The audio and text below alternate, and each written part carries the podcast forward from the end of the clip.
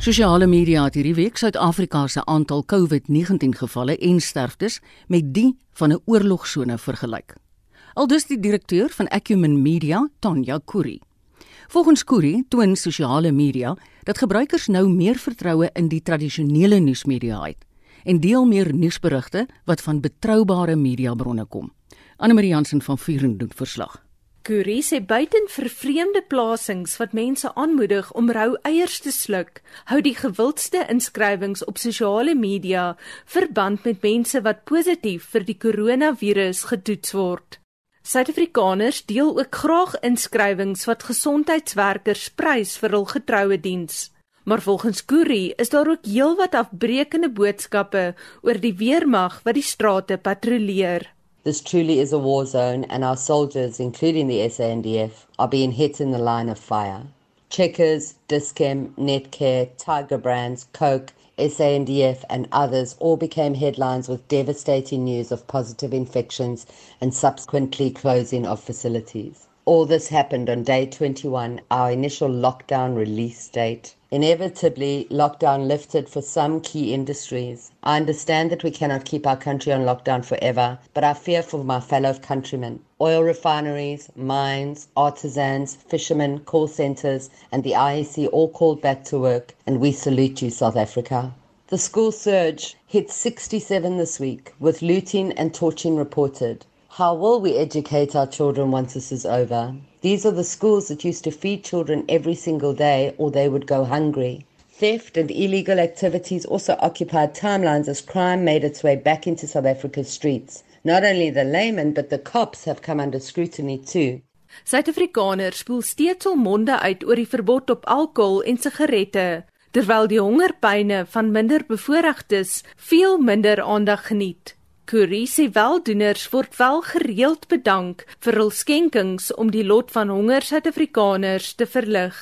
Over the course of this lockdown campaign, we have managed to collectively deliver 650 food parcels to those that were hungry before lockdown. We only have another 8,150 to go.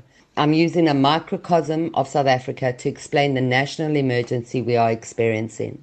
Alexandra and Mitchell's Plain started rioting because there is no food. Worse still is Sebokeng without food or water. This pandemic has highlighted beyond doubt the areas neglected in South Africa over the past 50 years. There was hunger before lockdown, and now we have a new threat, and that is starvation. One headline in the Times Live summed it up for me. I wish my family could get sick and hospitalized so we could eat. The death of a man in Alexandra under the hands of the SANDF allegedly has been the focus of many headlines. The soldier has been dealt with and we await the law to take its course, as the minister said. This comes after cries about army brutality are at an all-time high. Toe president Trump sy finansiële steun aan die Wêreldgesondheidsorganisasie onttrek, het baie Suid-Afrikaners, insluitend president Ramaphosa, sosiale media gebruik om die WGO te ondersteun. Anti-Trump memes was aan die orde van die dag. He is genuinely a cartoon, and I can't look away. It's like a car crash that makes you laugh. Stay safe, my fellow humans, and I challenge you to give a loaf of bread to someone who needs it. Just do it and tell us mission accomplished. You don't need to swallow the egg. Feed South Africa. Tonya Kuri, 'n sosiale media ontleder en direkteur van Acumen Media, en ek is Anne Marie Jansen van Vuren vir SAK nuus.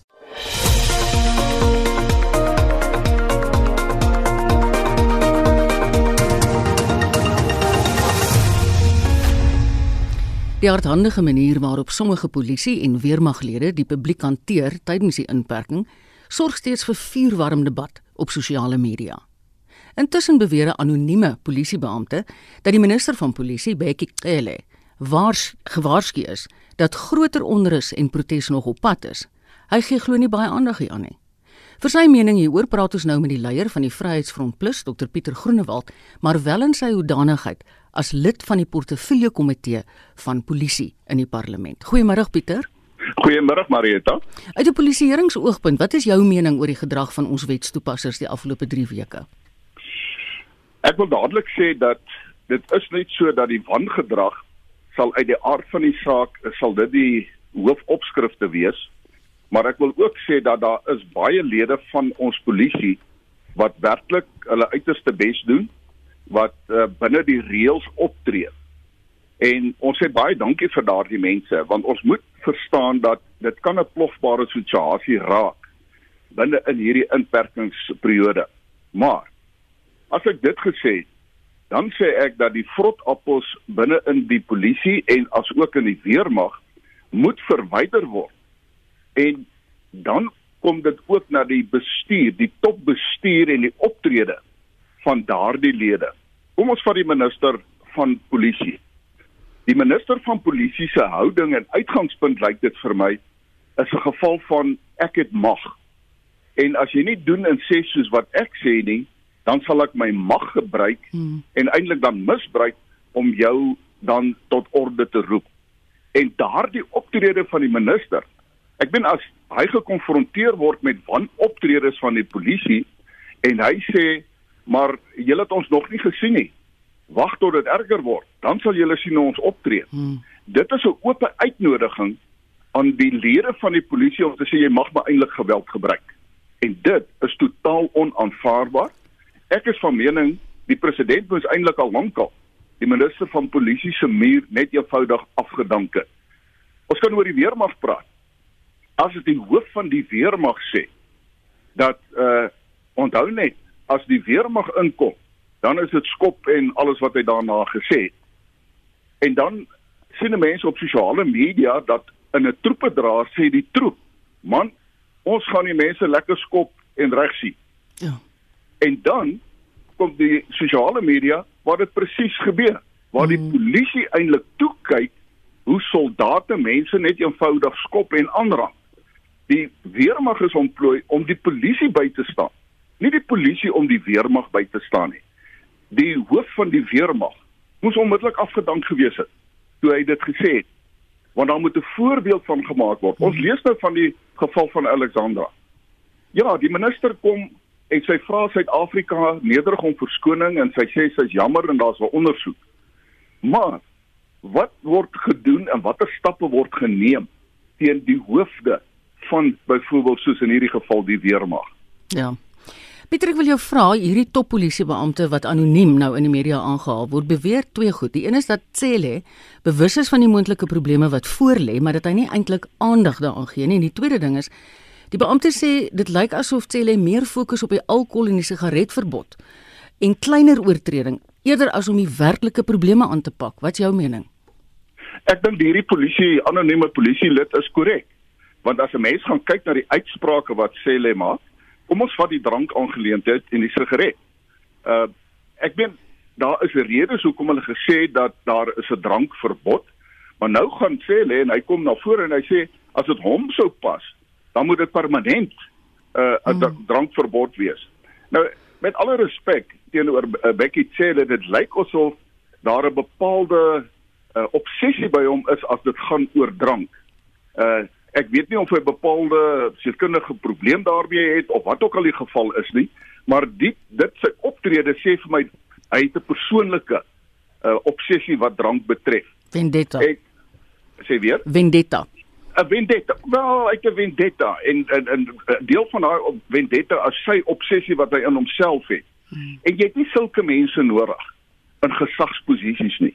Sy fokus moet wees om te sê ons moet die inperkingsreëls nakom en hy moet dit waardig kan toepas met gesag. Hoe dwing 'n mens gesag af? Jy dwing nie gesag af met gewelddadige optrede nie.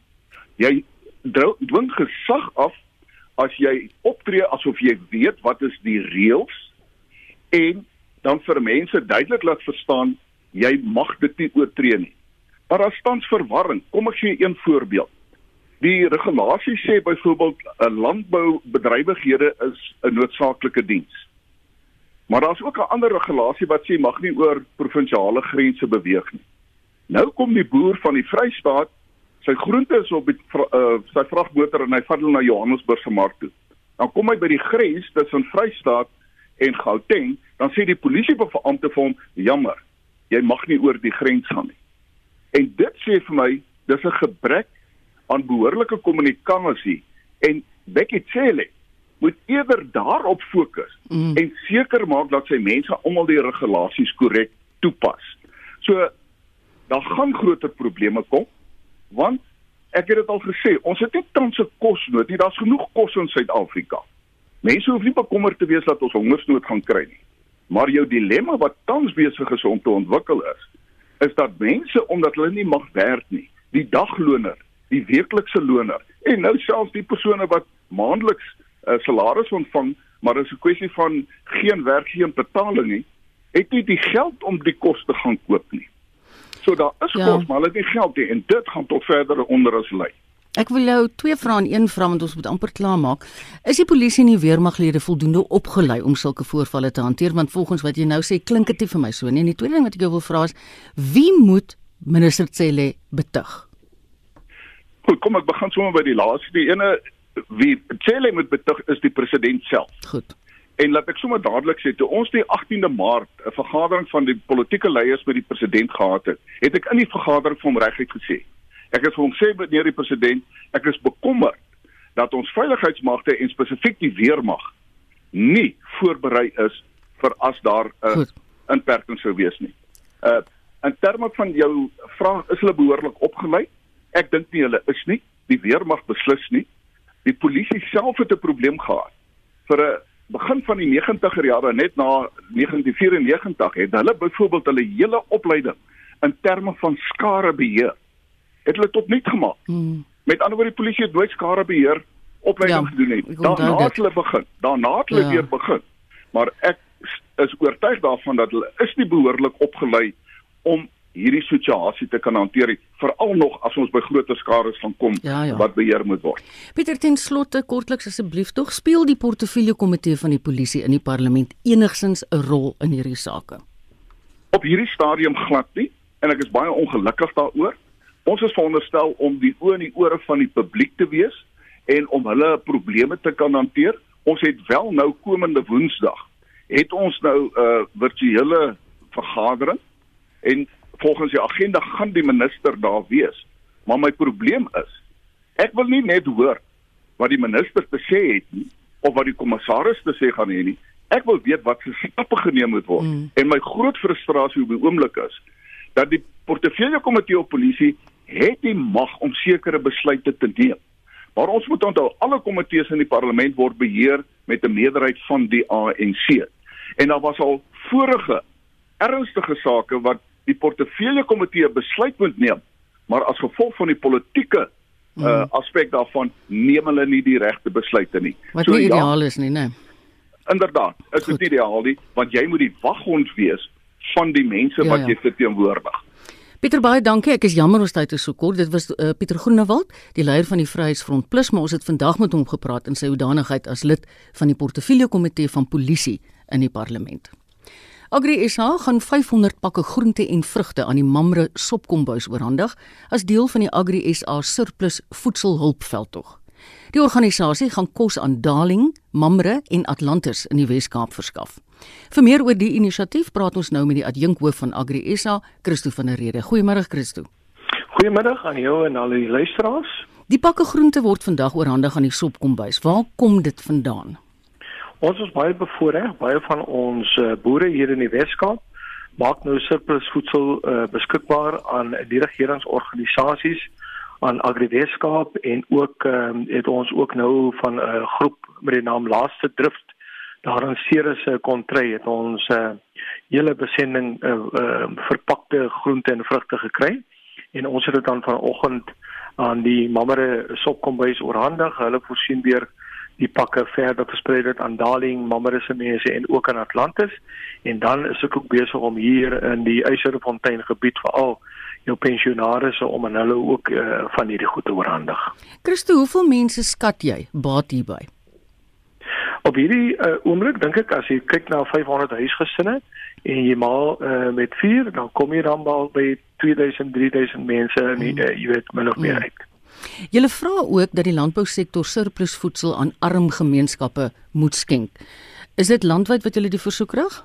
Ja, ons het uh, besluit om 'n nasionale veldtog te loods en let wel, hierdie oorhandiging in Ambre is uh, maar net die doel daarvan is om die, die hele veldtog aan die gang te kry. Ja. So ehm uh, ons uh, jy weet ons het reeds Kwanalo in KwaZulu-Natal wat ook al affiliasies van Agresa Hulle deel wat uh, uh surplus uh, voedsel al oorhandig aan die plaaslike gemeenskappe. Ons vra ook vir die boere om hulle plaaswerkers en plaaswerkergemeenskappe te prioritiseer en dan ook jou naburige townships en dan ook seker te maak dat mense in die dorp, veral jou pensionaarsse en arm mense ongeag hulle velkleur ja, ja. om uh, aan hulle uh, uh, voedsel te oorhandig. So ons sien 'n nasionale beweging is besig om momentum te kry.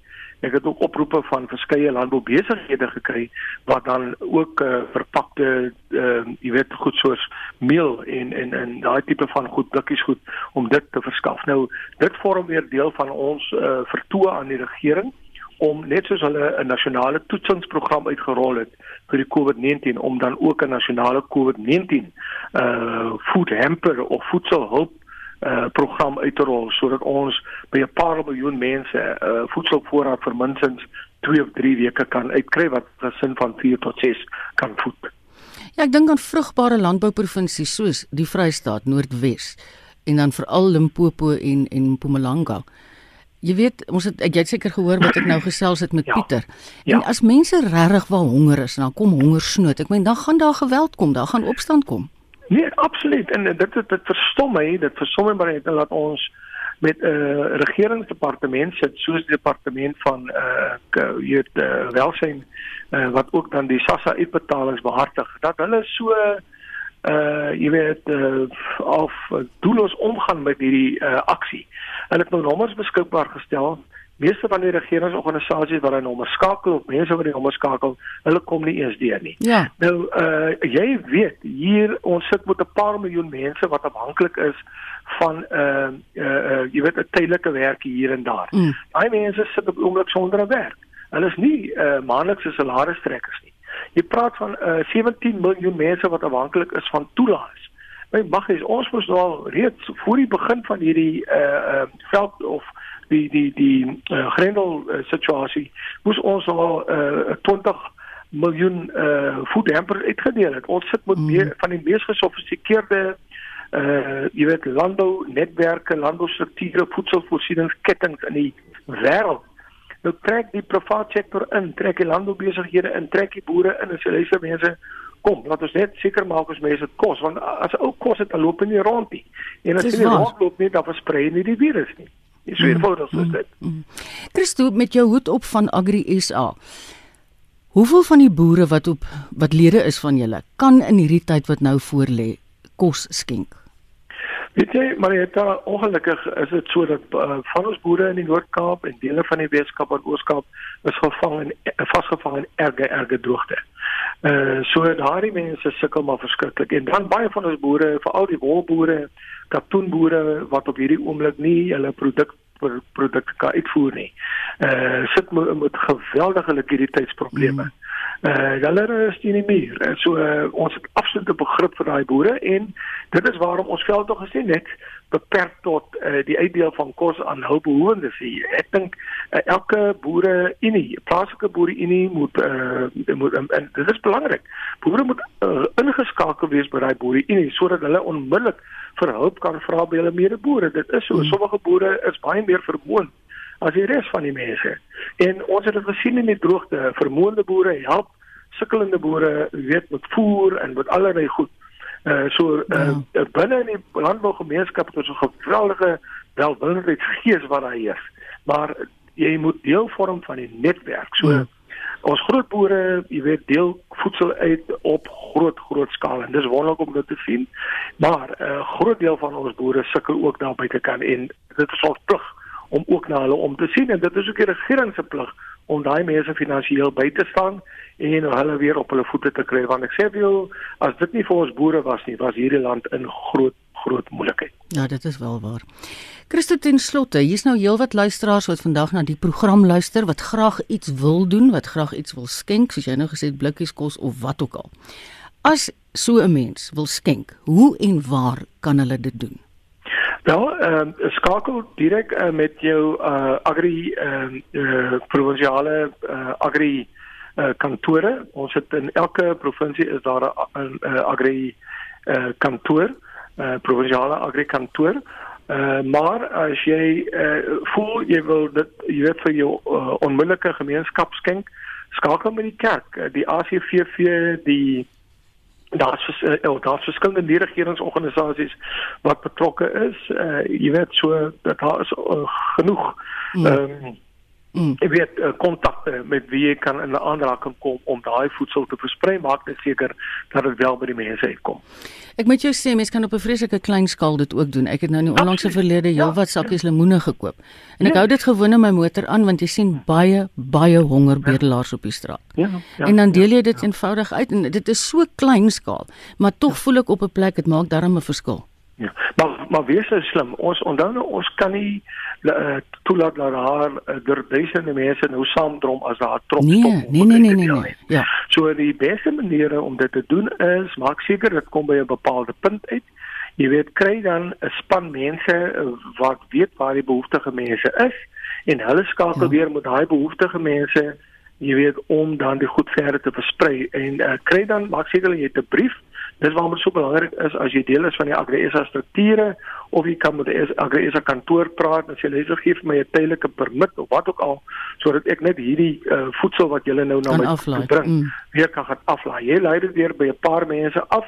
Jy weet jy kan nie jou kar uit nie. Hulle haal dit uit jou kattebak uit en dan hulle versprei dit weer verder aan mense. So ja, ek ben ons moet ook slim uh, wees uh, uh, jy weet in nie in die proses, jy weet van goedhartigheid nou weer die kind verder gaan versprei ja. nie. Christo baie dankie vir die werk wat Agri SA doen en ek is seker daar's 'n klomp Suid-Afrikaners ook buite die landbousektor wat regtig 'n bydrae wil lewer. Dit was Christo van der Rede, die adjunkhoof van Agri SA. Die Wes-Kaapse provinsiale regering sê basiese dienslewering gaan voort soos normaal tydens die inperking. Alle munisipaliteite is nou ook besig om voedingsskemas te implementeer. Ons praat nou met James Brentstein, die woordvoerder van die Wes-Kaapse minister van plaaslike regering en omgewingsake. Hallo James. Haai Marita, goeiemôre. Hoe raak die inperking die dienste wat julle ouens lewer? Al soos jy genoem het, die basiese dienste gaan voort. Hmm. Uh die vullisverwydering, water en elektrisiteitsdienste padherstelwerkdienste. Daar was nou 'n groot uh, grondpad is in een van die landelike gebiede wat uh, boes uitgery is wat reg wat wat geherstel is want baie van die nooddienste gebruik die pad byvoorbeeld om in redelinghuis te kom. Die pad was in so afgeleë gebied. So daai basiese dienste gaan voort. Ek dink die die groot impak is op die meer gespesialiseerde dienste, goed soos beplanning, goed soos ehm um, jy weet die die die die die lisensiering baie van daai kantore is gesluit. So maar die basiese dienste gaan voort. Julle plaas in hierdie stadium van die geveg baie fokus op die lewering van water en voedingsskemas. Wat is die jongste nuus in die verband?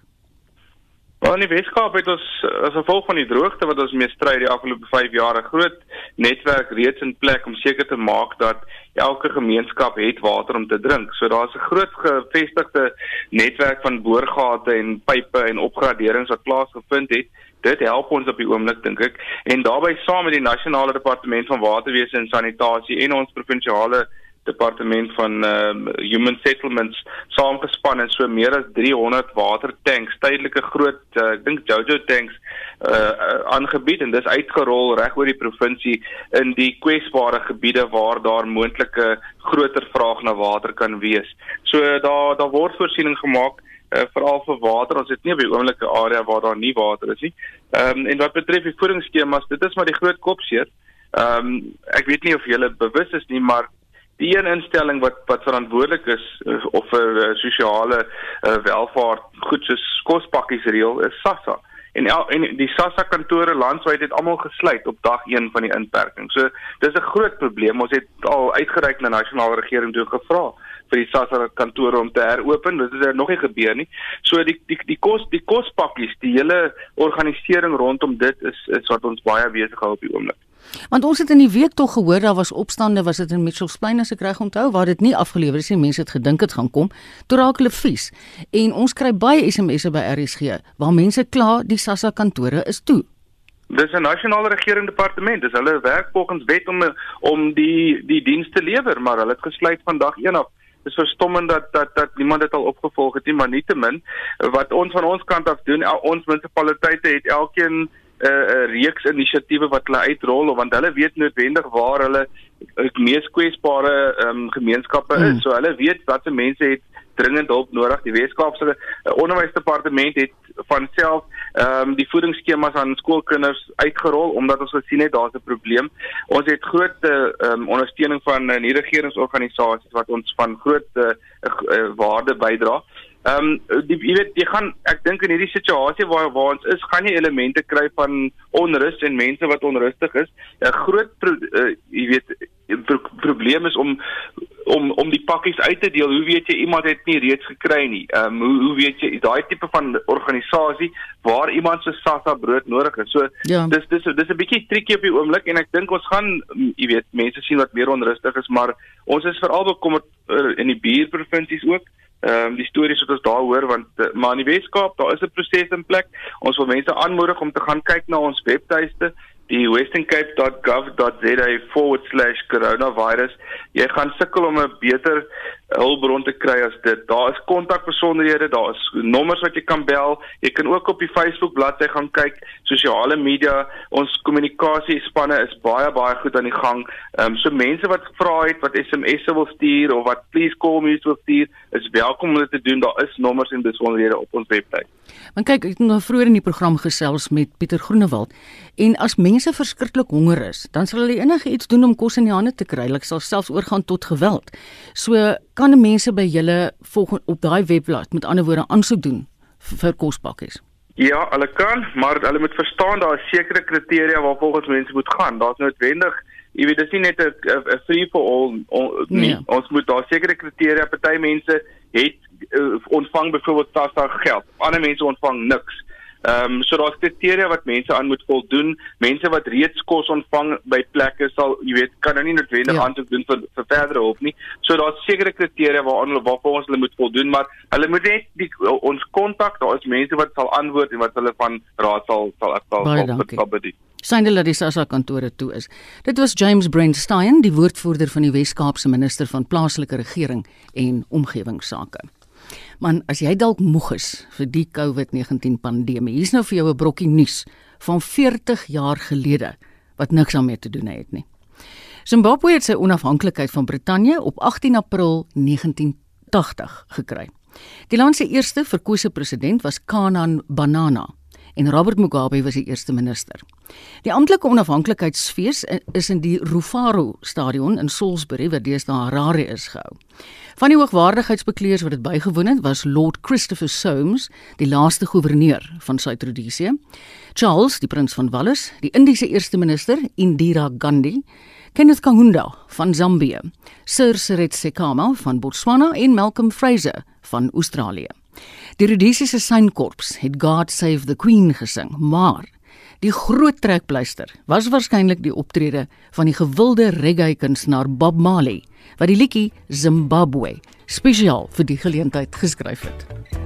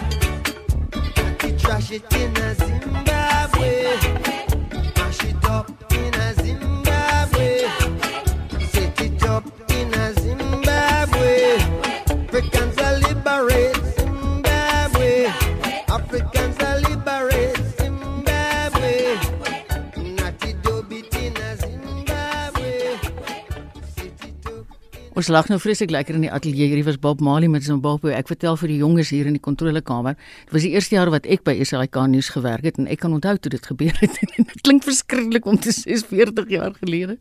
Maar nou ja. Dis tyd vir ons weeklikse motorrubriek. Wessel Pretoria sê het voor die inperking 'n Indies vervaardigde Datsun en 'n Chinese bakkie getoets. Datsun se gewilde Go lykerig kom nou ook in 'n outomatiese weergawe. Ek het die 1.2 Lux CVT gery en die CVT in die benaming verwys na 'n paal wisselende outomaties, soos duidelik hier gehoor kan word met 'n voluit wegtrek.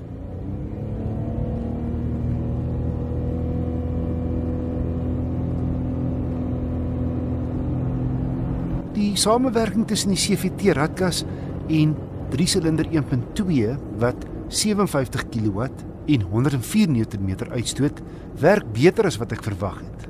Versnelling is nie sleg nie in hierdie sub 200 000 rand klas en op die gelykpad lê die toere teen 'n heel rustige 3000 teen 120. Die verbruik op my standaard stad en ooppad roete was wel hoër as verwag. Dit sien gee 'n gekombineerde syfer van 5 liter per 100 km terwyl my gemiddeld 6,9 was. Die kwaliteit van die materiaal in die kajuit is maar so so. Nie in dieselfde klas as twee ander buksies wat ek onlangs getoets het nie, die Peugeot 108 en Hyundai Atos. Maar tog goed toegerus. 14 duim alloy wiele buite val op. Terwyl die grootste nuus binne 'n nuwe sentrale skerm is wat met jou slimfoon koppel. Hy het twee ligsakke voor wat standaard is vir hierdie intree vlak klas. Dis net die Peugeot 108 wat met 6 ligsakke spog en ABS remme wat nie standaard is in hierdie klas nie, is 3 sensors. Ander standaard veiligheidskenmerke in die Go Lux wat skaars is in die intree vlak segment is elektroniese stabiliteitsbeheer asook traksiebeheer. Dagryligte en die deure sluit outomaties met die wegtrek. Hierdie spul veiligheidskenmerke is beslis 'n pluspunt in die outomatiese Go 1.2 Lux. Verder werk die CVT radkas glad en hy's billik toegerus. Teen R192000 kom hy egter teen die Suzuki Swift 1.25 spoed outomaties te staan wat nie heeltemal so luks is nie, maar rondom 'n meer gesofistikeerde lykerig is, beter kwaliteit in die kajuit bied en meer krag gee. Ek het onlangs oor Great Wall Motors se Steed 5 enkel kajuitpakkie berig. Ek het ook kans gehad om die dubbelkajuit weergawe te ry. Dis nou nog voor die inperking. Die Steed 5 bakkie is onlangs so effe opgradeer en die nuwe krom sierrooster met 5 horisontale stroke asook die syflikker ligte wat na die syspieëls geskuif is, val netjies op die oog. Nou die eerste vraag wat familie, vriende en kollegas my vra wanneer hulle hoor dat ek 'n Chinese voertuig toets is, hoe is die kwaliteit? Wel, soos in die geval van die enkelkajuit, voel die Steed 5 SX dubbelkajuit heel solied. En ek kon nie binne of buite enige swak afwerking of skewe panele vind nie. Hierdie SX model het nie al die luksus van jou moderne dubbelkajuite nie, maar hou in gedagte dat die bakkie die helfte minder kos teen 245000. Kenmerke sluit in sentrale sluiting op die sleutel, outomatiese sluiting met die wegtrek, ligversorging, 'n USB-sok, 'n radio en elektriese spieëls. Egter net elektriese vensters voor en geen ritrekenaar, horlosie of kontroles op die stuur nie. Ook geen alloywiele nie, hoewel die 16 duim staalwiele darm 'n netjiese patroon het en die kom darm met redelike fris 235 profielbande. Veiligheidskenmerke: misligte voor en agter, 'n baie helder derde remlig hoog agter teen die kajuit. ABS rieme en twee ligsakke voor. 'n Handige funksie is dat die hoofligte kan op en afstel. Hierdie bakkie is teen 5 meter so wat 40 cm korter as jou moderne dubbelkajuite en eh, hoewel dit hom meer hanteerbaar maak in die stad en parkeersituasies, is jou beenspasie agterlangs minder as jou groter bakkies en jou laaibak agter is ook effens korter. O en 'n interessante stuk toerusting is 'n brandblusser agter die sitplek. Die 2 liter turbo diesel dubbelkajuite, en jy kan ook 'n 2.2 liter petrol kies, skop heelwat meer krag uit as die enkelkajuite.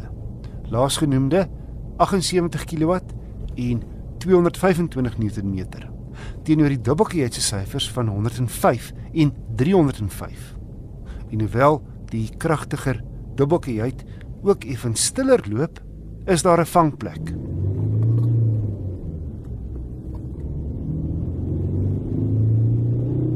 Terwyl die enkelkajuit se krag al hier vanaf 'n laat 1300 toere inskop, gebeur dit eers naby 2000 toere in die sterker bakkie se geval. Boonop met 'n skoot turbotraagheid. So wanneer jy in gewone stadsrye ry versnel en ratte oorsit, voel dit of daar vir 'n sekonde of 2 geen krag is nie totdat die turbo uiteindelik inskop. Andersins is daar nie klagtes nie. Die Steed 5 dubbelkajuit ry heel skaflik en jy kry 6 ratte vorentoe teenoor die enkelkajuit se 5. Teen R244900 kry jy baie bakkie vir jou geld. En mens moet byvoeg dat GWM al langer as 'n dekade plaaslik te koop is met 77 handelaars landwyd. 'n 3 jaar 45000 km diensplan kom standaard as ook 'n 5 jaar 100000 km waarborg en padbystand vir 5 jaar. In Namibië word reëlings getref om Swakopmund se bekende olifant wat sy onverwagse verskyning op Kersdag gemaak het, die naweek te verskuif. Frikkie Wallis berig uit die kusdorp dat die jong olifant bil 4 maande gelede sy eerste verskyning gemaak het. Daarna is hy meer as 70 km ver teruggejaag na die Ugap rivier by Henties Bay waar hy vandaan gekom het, vanwaar hy maar net weer teruggeloop het Swakop toe. Die ministerie van Omgewing en Toerisme het nou besluit om hom te verskuif na 'n meer permanente en veiliger omgewing in die Kommas distrik. Oulik. Vicky Yunus sou gister amptelik en seremonieel haar doktorsgraad by die Universiteit van Pretoria ontvang het, maar helaas is die geleentheid gekanselleer weens COVID-19. Jenus se doktorale proefskrif wat sy onder professor Frans Johan Pretorius se promotorskap gedoen het, fokus op boere krygsgevangenes se kunswerke tydens die Anglo-Boereoorlog. Die interessante deel van die storie wat dit nou veral relevant maak, is die feit dat die boere ook in afsondering geplaas is. Vir meer hieroor praat ons nou met Wiki. Hallo Wiki. Hallo Marita, hoe gaan dit? Nee, dit gaan met my goed, maar klink baie geluk in die eerste plek met jou PhD. Hoekom het jy besluit om so 'n teses aan te pak? Maar die Anglo-Boereoorlog het my nog altyd gefassineer en um, ek werk nou vir die afgelope 10 jaar by die Oorlogsmuseum van die Boererepublieke in Bloemfontein. En um, hulle het een van die grootste boerekruisvangkunversamelings in die wêreld. En ek het toe daar besluit om op hierdie spesifieke versameling te fokus want die items is so uniek en hulle verskil en stem ook weer ooreen in so baie opsigte en daar's nie regtig soveel navorsing oor hulle gedoen nie. Ek besluit om daarop te fokus. En die tweede rede was vir al um ek het vir professor van Champetoria as 'n eersjaars student gehad by die universiteit en ek wou nog altyd verder studie onder hom gedoen het en ek het um toe later in museumwese en die erfenis toerisme rigting in beweeg. En uiteindelik um toe die geleentheid om voordoen om wel 'n doktorale studie onder hom te doen, het ek dadelik dit aangegryp en um toe was hy al professor emeritus, maar hy het gelukkig ingestem om my onder sy leiding te neem. Jou fokus was kunswerke, maar in die proses het jy geleer dat die boeregevangenis in afsondering gehou is. Hoe het dit gewerk? Ja, die kruisgevangenis, um jy weet, dit is al van die begin van die oorlog of was dit duidelik dat die Britse regering nie voorsiening gemaak het vir groot hoeveelhede kruisgevangenes nie. En um jy weet vir al hulle die voer, akkommodasie, voedselvoorsiening, sekuriteit, dit was nogal groot faktore wat daarop um ingespeel het. En op die einde moes um, hulle toe kampe stig. Hulle het begin in Suid-Afrika met kampe by Groenpunt in Kaapstad en Bellvue en Simonstad en toe in Bilou en Tintown en en Natal. Maar jy weet die oorgrawe is by Paardeberg en selfs by Brandwater kom met net die situasie te erg en dit is op besluit om hulle oor see te stuur. En dis al kampe gestig in um, St Helena Salon, India en Bermuda. En hulle het juist gehoop as hulle, hulle die kruisvangers oor see stuur dat dit die 'n soekindige taktiek sou wees om die boeremagte te demoraliseer en tot oorgawe te dwing. En dit het toe nou op die einde nie so gewerk nie. Daar's in totaal ongeveer 27000 kruisgevangenes gevange geneem. En um, om by jou vraagie uit te kom oor hoe dit gewerk het in hierdie kampe, het hulle um, uh, uh, redelike militêre struktuur gehandhaaf en daar was 'n Britse kampkommandant en dan was daar natuurlik onder die kruisgevangenes self het kapteins, night kapteins en korporale gekies. En ehm um, en dan net interessant genoeg, hulle was in hierdie inperkingstydperk wat hulle gehad het, as hulle in kampe gehou het omheind is. En um, as hulle dit buite daai omheining sou waag, daar was 'n area wat genoem was die dead space dan um, is hulle se meer doodgeskiet. So hulle moes in hierdie um, kampe bly onder toesig. En um, daar was sekere gevalle waar hulle parol kon kry as die kampkommandant vir hulle pas uitgereik het. En dan natuurlik wat ook belangrik was wat ek dink baie ook um, mense vandag natuurlik op fokus in ons eie situasie is die sanitêre en higiëniese maatreëls wat die kruisgevangenes moet nakom. Hulle moet hulle hitte en hulle tente baie sindelik hou en skoon hou en ons het natuurlik dan ook inspeksies gehou daarvoor. So ehm um, en nog 'n ding wat vir my nog uitgestaan het wat ek dink vandag ons ook beleef Ehm um, miskien net in 'n ander mate is dat die kruisvangenes het vir alle geestelike verryking tydens 'n inperking beleef. Ehm um, godsdienstige byeenkomste is georganiseer, daar is CSP verenigings gestig. En um, dan is daar natuurlik ook skole gestig en die kruisvangenes het ook onderwys ontvang, jong sowel as oud. En um, dan kon hulle nog steeds sport beoefen. En dan een natuurlik die fokus waarop ek my studie gebaseer het was natuurlik die handwerk wat ek gemaak het. En met selfs vandag as ek uh, sien op uh, weet, al die sosiale media al die projekte wat mense aanpak om weer byvoorbeeld politiek braai te doen en al daai goed. Dit is vir die kruisvangers wat my gedoen het om met die beskikbare materiaal en gereedskap wat maar baie gevalle net 'n knipmes was of net stukke been of afvalstukke hout het hulle sulke pragtige voorwerpe meegemaak. Wiekie jy het baie interessante veldwerk gedoen. Kyk ons almal is nou bewus van 'n klomp se oud Suid-Afrikaners wat na Ceylon toe gestuur het, vandag Sri Lanka. Jy was ook in St Helena en Bermuda vir jou agtergrondwerk. En dis nou seker daar waar jy die voorbeelde van die kunswerke gesien het. Ja, nee, verseker, ek was ek was baie bevoorreg om twee beurse te gehad het van die Erfenis Stichting se Navorsingstrust en die Akademie vir Wetenskap en Kuns. So ek kon St Helena besoek. En ehm um, ja, dit was uh, baie interessant. Ek het hulle museum besoek. Ek was in die argiewe gewees en ehm um, dit was regtig mooi geweest om die items te sien wat hulle gemaak het.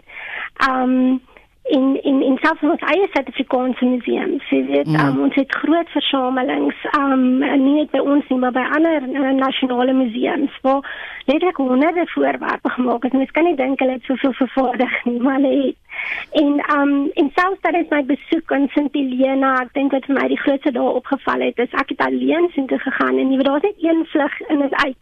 So jy sit vir 'n hele week daar, jy's alleen daar en ek dink daai eensaamheid en alleenheid wat die kruisgevangenes daar moes ondervind het, het my nogal gevang en ek het regtig um jy weet medelee gehad met um jy self en jou familie af jy self en jou vriende af jy self en jou land af mm. en jy is alleen stok sy alleen daar eintlik of sit jy tussen 'n klomp kruisgevangenes maar jy het niks wat wat eie is aan jou by jou nie. Wiekie Janus, weer 'n keer baie geluk met jou PhD. Dis 'n baie interessante veld waarin jy gewerk het. Geluk. Ons het voorheen op Monitor al berig breedvoerig oor Suid-Afrikaners in die buiteland wat deur die regering teruggebring is huis toe. Die mense is onder kwarantyne geplaas van 14 dae ingevolge die COVID-19 regulasies. Een so 'n persoon is Tyron Treter, 'n Suid-Afrikaner wat in Brasilië op 'n passasiersskip werk. Hy sê dit verlede week in Gauteng onder kwarantyne geplaas na hy positief getoets het vir die virus. Hy het sy hele ervaring met Justin Kennedy gedeel. Het op die skip geklim in Februarie, in 18de en 19de Februarie. Ons het geweet daar is die virus, maar hy was nog in China. Dit was nog ver weg. Niks gaan met ons gebeur nie. Alles gaan fyn wees. Dit gaan stille doodsterf daar in China en dit dit obviously dit nie gebeur nie. So dit is ek hier weg, gevlieg in Brasilië in in die skip en, en toe ons daar kom, toe obviously het dit erger geword en erger geword en erger geword en erger geword. En toe ons maatskappy sien dit gaan nie beter word nie dag hulle gaan probleme optel. Hulle ons begin huis toe stuur. So ek was fisies op die boot in Sao Paulo. Toe ons probeer afkry maar daar was elke keer probleme om kaartjies te kry vir ons want hulle het 23000 crew members wat huis toe gestuur moet word reg oor die wêreld. So toe ons eventually afklim met 'n kaartjie ons by die lughawe kom dis ons vlug gekanselleer toe ons wil incheck die telefoon, sy vliegtuig gaan vlieg, maar hy gaan leeg terug. Wat maak julle toe? Dit is toe ons ons maatskappy in die hande kry en hulle reël vir ons, dit was baie van ons, dit was maklik as ek moet kyk 100 mense. Suid-Afrikaners, Filippyne van die hele wêreld oor wat dieselfde probleem gehad het. Dis ons na 'n hotel toe in Sao Paulo. Hulle het ons dadelik in 'n hotel gebring vir ons te bed gestuur en dit het ons nou in hierdie hotel beland. Nou in die hotel beland weet ons nou nie verder op daai stadium het ons nou geweet Suid-Afrika gaan in hierdie lockdown en ons het nie geweet gaan hulle vir 3 weke in die hotel bly wat gaan gebeur nie. Hoe het julle van daar uiteindelik in Suid-Afrika aangekom? Almal het ons van Suid-Afrika af laat weet van daai groep die home away from home mense wat hulle wat begin het om die inligting te versamel van al die verskillende mense af om vir die departement te gee te sê oor die so hierdie mense soek inligting. Nou ons het hulle gejoin. Ons het ook direk self die ambassadeur in Brasilië in Sao Paulo gekontak. Sommige sê hoor jy so, ons is hier, ons is 20 Suid-Afrikaners in hierdie hotel. Wat kan julle doen? En met hierdie twee groepe saam, ek is nie presies seker wie die finale besluit gemaak het wie wie toe nou by einde deurgekom het by ons nie, maar hulle het ons toe laat weet, okay, hierdie vlug gaan gebeur op die dink ek die 8ste of die 7de of die 8ste. En dan moet ons net by die lughawe uitkom en ons sal dan terugvlieg maar ons het 14 dae kwarantyne daarna. Dit is selfs in die boodskap is gesê, dit is 'n package deal. As jy nie wil kwarantyne nie, bly in Brazil. As jy wil kwarantyne, jy wil huis toe kom, hierdie vliegtuig is beskikbaar vir jou. Dit het gekom direk van die ambassadeur af. Hy het vir ons op WhatsApp 'n boodskap gestuur. Met wie het jy teruggevlieg? SAA het ons kom haal. Dit was een of ander SAA Department of Health samewerking om ons te kom haal daarso met hulle vlugte hulle Brasilianers teruggevat uit Suid-Afrika uit. Ons het daar geland en toe het ons met daai selfde vliegtuig teruggekom. Hoe was daai ervaring gewees? Stel dit so, dit was nie 'n gewone SA vlug nie. Die gewone levels van diens wat mens verwag uit so vlieg uit 'n vlug uit was nie daar gewees nie. Hulle was almal in hulle hazmat suits gewees handskoene, maskers, plastiek helmets, die lot. En dit was baie direk. Hier is jou kos, hier is jou water. That's it. Al was nie empatie en vriendelikheid uitlei. En dit was maar dit was 'n rustige vinnige 8 ure en 9 ure vlug tot ons Johannesburg geland het. Toe ons hier geland het, was dit baie die die Johannesburg se lughawe se staf was uitstekend. Ons is hulle het op die vliegtuig gekom, ons temperatuur geneem, ons gevra gevra ons vorms ingevul. Ons het van die vliegtuig afgeloop met die 2 meter distancing. Ons het ingecheck en ons is in 'n bus. Ons bagasie te gaan haal by die vliegtuig en dit is ons weer terug in die bus. Wat is die proses toe gewees? Ek verstaan julle is op 'n stadium uh, na die Chris Hani Baragwanath Hospitaal geneem. Ons is eers geneem na na 'n uh, Eskom fasiliteit toe in Midrand en daar kon hulle ons nie help. Daar toe ons daar aankom te sê hulle maar is nie plek vir ons nie, ons moet nou 'n ander plek soek.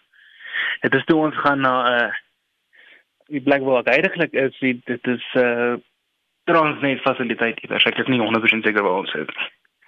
Nou waar die Chris Hani inkom, toe ons aangeland het in die plek waar ons nou finaal gebly waar ek nog steeds is tot vandag toe het hulle ons getoets vir die vir die virus.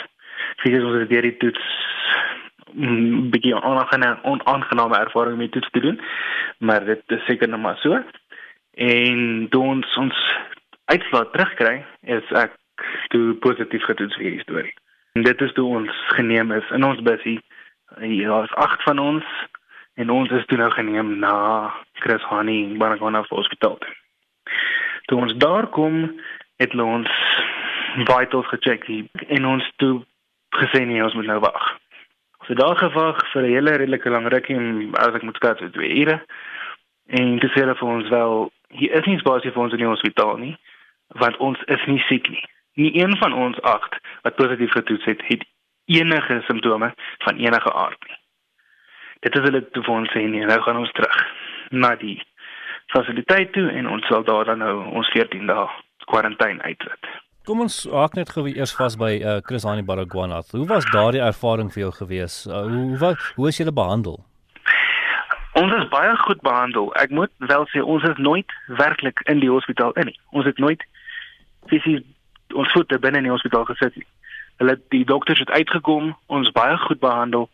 Ons getoets, alles gecheck, al ons details geneem en alles so, maar ons is nooit in die hospitaal in nie.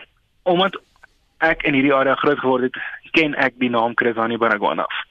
So vir my, toe hulle vir my sê jy gaan nou soheen toe, dit dit was regtig nie baie goeie, was nie lekker nie. Dit was dit was 'n gevoel van hier gaan ek nou dalk nie sien wie is nie nog seker daar uitgaan. Dit was dit was 'n onaangename ervaring in die bus soontoe, maar self by die hospitaal, die diens wat ons daar gekry het, was uitstekend eintlik. En die fasiliteit waar julle nou is, daar by die Transnet fasiliteit. Skets vir ons 'n prentjie, wat doen julle? Hoe hou julle jouself besig en hoe lyk dit daar? Die plek is nie onaangenaam nie. Daar is klein probleme. Byvoorbeeld nou dit klink nou nou 'n pettiness maar die soos my stort werk nie. Nou om, om vir 14 dae 'n plek te wees waar jy gewoond is om elke dag gevaar stort te neem, nou moet jy ewe skielik bad. Kyk, dit is nie sommer te klaar nie, maar dit is dis 'n gevoel van die fasiliteite is wat nie 100% is wat dit moet wees nie. Veral nie vir die effek daar is mense wat na ons ingevlieg het wat nou nie hulle huisves word nie. Goed, ons kry kans om uit te gaan. Hulle laat ons agt mense met ons maskers buite toe sekere tye van die dag dat ons kan 'n bietjie rondloop en oefeninge doen en so. En ons kry kos. Die kos was daar was probleme aan die begin waar die kos half koud was en soos mense wat verskillende dietary requirements het, moes spesifiek vra vir hulp. En dit moet ek sê het hulle baie goed reggekom. Die staf het probeer as hulle nie iets kon doen nie, het hulle 'n ander plan gemaak of hulle het ons word die mense ons word ons baie baie baie goed behandel. Maar dit is uit aard van die saak nie lekker om vir 14 dae of vir die 8 wat of 6 of 7 wat ek nou hier is, heeldag in 'n kamer te wees. Dis 'n goeie kamer in in in die fik. Wat maak jy met jouself? Okay, jy sien nie wifi nie. Dit is een van die groot groot probleme. Maar ek het, maar ons gebruik maar ons data, ons data wat ons heeltyd moet aankoop. Netflix help. Maar kyk, Showmax, ons kyk YouTube. Ons praat met mekaar. Ons grond het 'n WhatsApp groepie gestig. So ons praat maar met mekaar om onsself besig te hou, maar daar is nie veel om te doen nie. Mens mens sit maar heeldag. As jy nou dit moet opsom en jy kyk terug na die gebeure van die afgelope kom ons sê maand en 'n half, hoe sê jy dit opsom? Aan die begin was ek vreesbevange dat ons wel hierdie virus gaan kry. Nou ek het hom nou so dit gaan dit nou dit dan op hierdie einde voel ek ek is amper aan die einde van hierdie proses en ek kan huis toe gaan. Ek is al amper opgewonde om huis toe te kan gaan. My grootste vrees wel is nou ek het die virus op die oomblik. Maar al die ander mense in my vliegtuig het negatief getoets, ook behalwe vir die 8. Het ons hulle geïnfekteer of nie? Dit is die grootste vrees wat ons nou almal almal van ons praat daaroor. Kon ons dit vir ander mense gegee het? Gaan hulle later as hulle toets wel positief wees? Dit is waar die grootste vrees en half onsekerheid nou vandaan kom. As alles nou verby is, gaan jy terug kan gaan werk toe. Het jou maatskappy klaar reëlings met jou gemaak? My spesifieke maatskappy het vir ons gesê dat wanneer hulle weer opstart en wanneer hulle weer aangaan, dan sal ons wat huis toe gestuur is, eerste keuse kry om weer terug te kom om ons kontrakte klaar te maak. Maar op die oomblik logies gesproke van wat ek kan sien op die nuus op alles gaan geen van die maatskappye gou weer begin nie. Dit beteken vir my op hierdie oomblik is ek werkloos, maar ek kan uit die aard van my tipe werk kan ek myself 'n werk in Suid-Afrika kry tot en met tyd terwyl hulle vir my dan sê, "Oké, okay, ons is nou weer terug op die been. Wil jy terugkom of nie?" Al wat ons kan sê is Tyrone en die res van jou span baie welkom terug. Dit was vandag se naweek aktueel redakteur Justin Kennedy, produksieregisseur Daitron Godfrey en ek is Marieta Kreer. Mooi bly.